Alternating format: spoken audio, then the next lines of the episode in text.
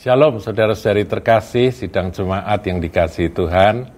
Turun kiranya kasih karunia dan segala berkat terbaik atas Anda sekaliannya. Saudaraku, saya akan melanjutkan tentang orang benar. Ya, kali ini singkat saya akan uh, mengambil topik antara orang benar dan kekhawatiran. Nah, kita nanti akan belajar, saudara. Kita akan lihat dalam Mazmur 55 ayat yang ke-23. Bunyi firman Tuhan seperti ini. Serahkanlah kuatirmu kepada Tuhan, maka ia akan memelihara engkau. Tidak untuk selama-lamanya dibiarkannya orang benar itu goyah. Saudara, dalam kesempatan suara gembala yang lalu saya sudah menyinggung tentang ayat ini. Tapi kita akan memperdalam ya kita akan merenungkan lebih lebih teliti tentang ayat yang tertulis dalam Mazmur 55 ayat 23 ini. Uh, dikatakan oleh pemazmur serahkanlah kuatirmu kepada Tuhan. Nah, di sini uh, firman Tuhan ini berbicara kepada orang-orang benar. Dengan demikian berarti orang benar itu bisa khawatir atau tidak, saudara? Ini pertanyaan. Menurut saya bisa, karena orang benar juga manusia, juga tetap orang, saudara ya. Dan semua orang pasti ngalami akan masa-masa yang salah satunya itu eh, kekhawatiran ya, dia mengalami masa sulit, dia menjadi khawatir ini, khawatir itu, khawatir akan uh, masa depan dan sebagainya, khawatir kalau terjadi hal-hal buruk dan sebagainya. Nah, anjuran firman Tuhan mengatakan, serahkanlah khawatirmu kepada Tuhan, maka ia akan memelihara engkau. Berarti bagi orang benar, syarat supaya kita ini dipelihara oleh Tuhan, adalah menyerahkan kekhawatiran, saudaraku. Nah, pertanyaan, sekarang pertanyaan kita kalau baca ayat itu direnungkan, didalami, dan dengan pertanyaan-pertanyaan yang kita buat, nanti kita akan jadi lebih memahami akan maksud Tuhan. Serahkanlah khawatirmu kepada Tuhan, maka ia akan memelihara engkau. Nah, sekarang kalau kita nggak mau menyerahkan kekhawatiran tersebut, terus bagaimanakah? Pemeliharaan Tuhan? Apakah tetap berlaku?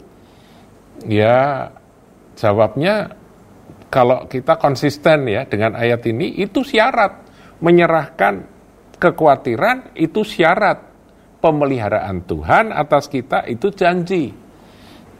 Jadi dalam kehidupan kita sebagai orang benar, menyerahkan kekhawatiran itu adalah PR setiap hari, saudara.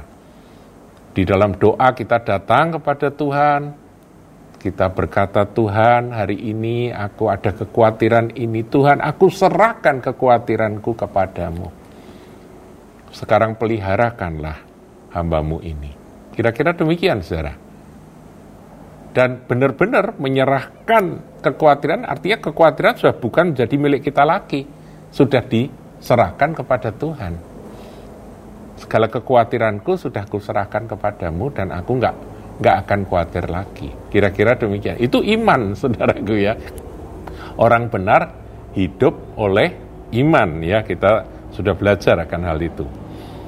Dan janji Tuhan berikutnya dalam dalam kalimat uh, ayat ini dikatakan tidak untuk selama-lamanya dibiarkannya orang benar itu goyah. Ya, saya sudah katakan bahwa orang benar bisa khawatir, bisa goyah, saudara. Tapi dengan menyerahkan kekhawatiran, pemeliharaan Tuhan berlaku atas hidup orang benar, maka janji ini berlaku pula. Tidak selama-lamanya kita dalam kondisi goyah. Ya. Nah, saudaraku, sebagai orang benar, sebetulnya Tuhan menempatkan anak-anaknya, orang-orang benar ini sebagai sumber mata air bagi semua orang. Nah, ada satu ayat yang menarik masih tentang orang benar yang memperlengkapi tentang uh, menyerahkan kekhawatiran tadi ya. Kita lihat Amsal 25 ayatnya yang ke-26. Jadi saya katakan bahwa saya akan berbicara antara kekhawatiran dan orang benar. Jadi orang benar bisa khawatir, saudaraku ya. Tapi Tuhan memerintahkan melalui firman-Nya supaya kita menyerahkan kekhawatiran itu kepada Dia. Nah, sekarang kita lihat Amsal 25 ayat 26. Seperti mata air yang keruh dan sumber yang kotor, demikianlah orang benar yang khawatir di hadapan orang fasik. Saudaraku, Tuhan itu menempatkan anak-anaknya, orang-orang benar itu sebagai sumber, sumber kehidupan, sumber ya digambarkan di sini sebagai sumber mata air. Mata air itu adalah sumber kehidupan. Nah, sebagai sumber kehidupan yang harus kita jaga adalah kita nggak boleh berkhawatir.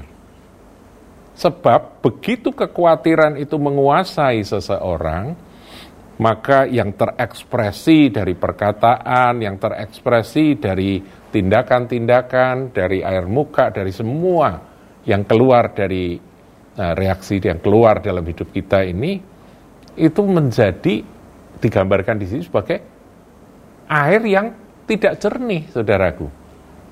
Padahal kita ini punya tugas di bumi ini sebagai sumber mata air kehidupan bagi semua orang. Jadi seakan-akan dari satu ayat ini, saudara, orang-orang di sekeliling kita itu semua mengamati orang benar. Orang benar itu menjadi anchor, menjadi apa? Menjadi jangkar, menjadi pegangan bagi orang-orang yang ada di sekelilingnya. Itu yang dimaksudkan oleh firman Tuhan. Jadi sebagai orang benar yang harus kita jaga, jangan sampai berkuatir apalagi di hadapan orang fasik Orang fasik menilai, loh katanya punya Tuhan.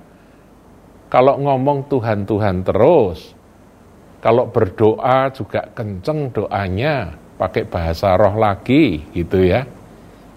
Pergi gereja terus-terusan. Tapi orang benar yang dinilai oleh orang-orang sekeliling, termasuk dinilai oleh orang fasik, begitu dia khawatir, dikatakan seperti mata air yang keruh dan sumber yang kotor. Kita nggak bisa memberikan akan kehidupan kepada orang-orang yang ada di sekeliling kita. Jadi kekhawatiran itu akan mencemari akan air hidup yang keluar dari kehidupan kita sebagai anak-anak Tuhan, sebagai orang-orang benar. Saudara saya teringat akan satu ayat yang ada di Wahyu, saudaraku ya. Ini Wahyu yang terakhir ya. Wahyu 22 ayat 1 dikatakan lalu ia menunjukkan kepadaku sungai air kehidupan yang jernih bagai kristal dan mengalir keluar dari tahta Allah dan tahta anak domba. Nah, kalau saya tafsirkan secara rohani, Saudara, ini memang ada makna jasmaninya, ini tentang nanti ya. Tapi makna rohaninya saat ini ada tahta Allah kah dan tahta anak domba atau tahta Tuhan Yesus kah di dalam pusat kehidupan kita yaitu dalam hati kita.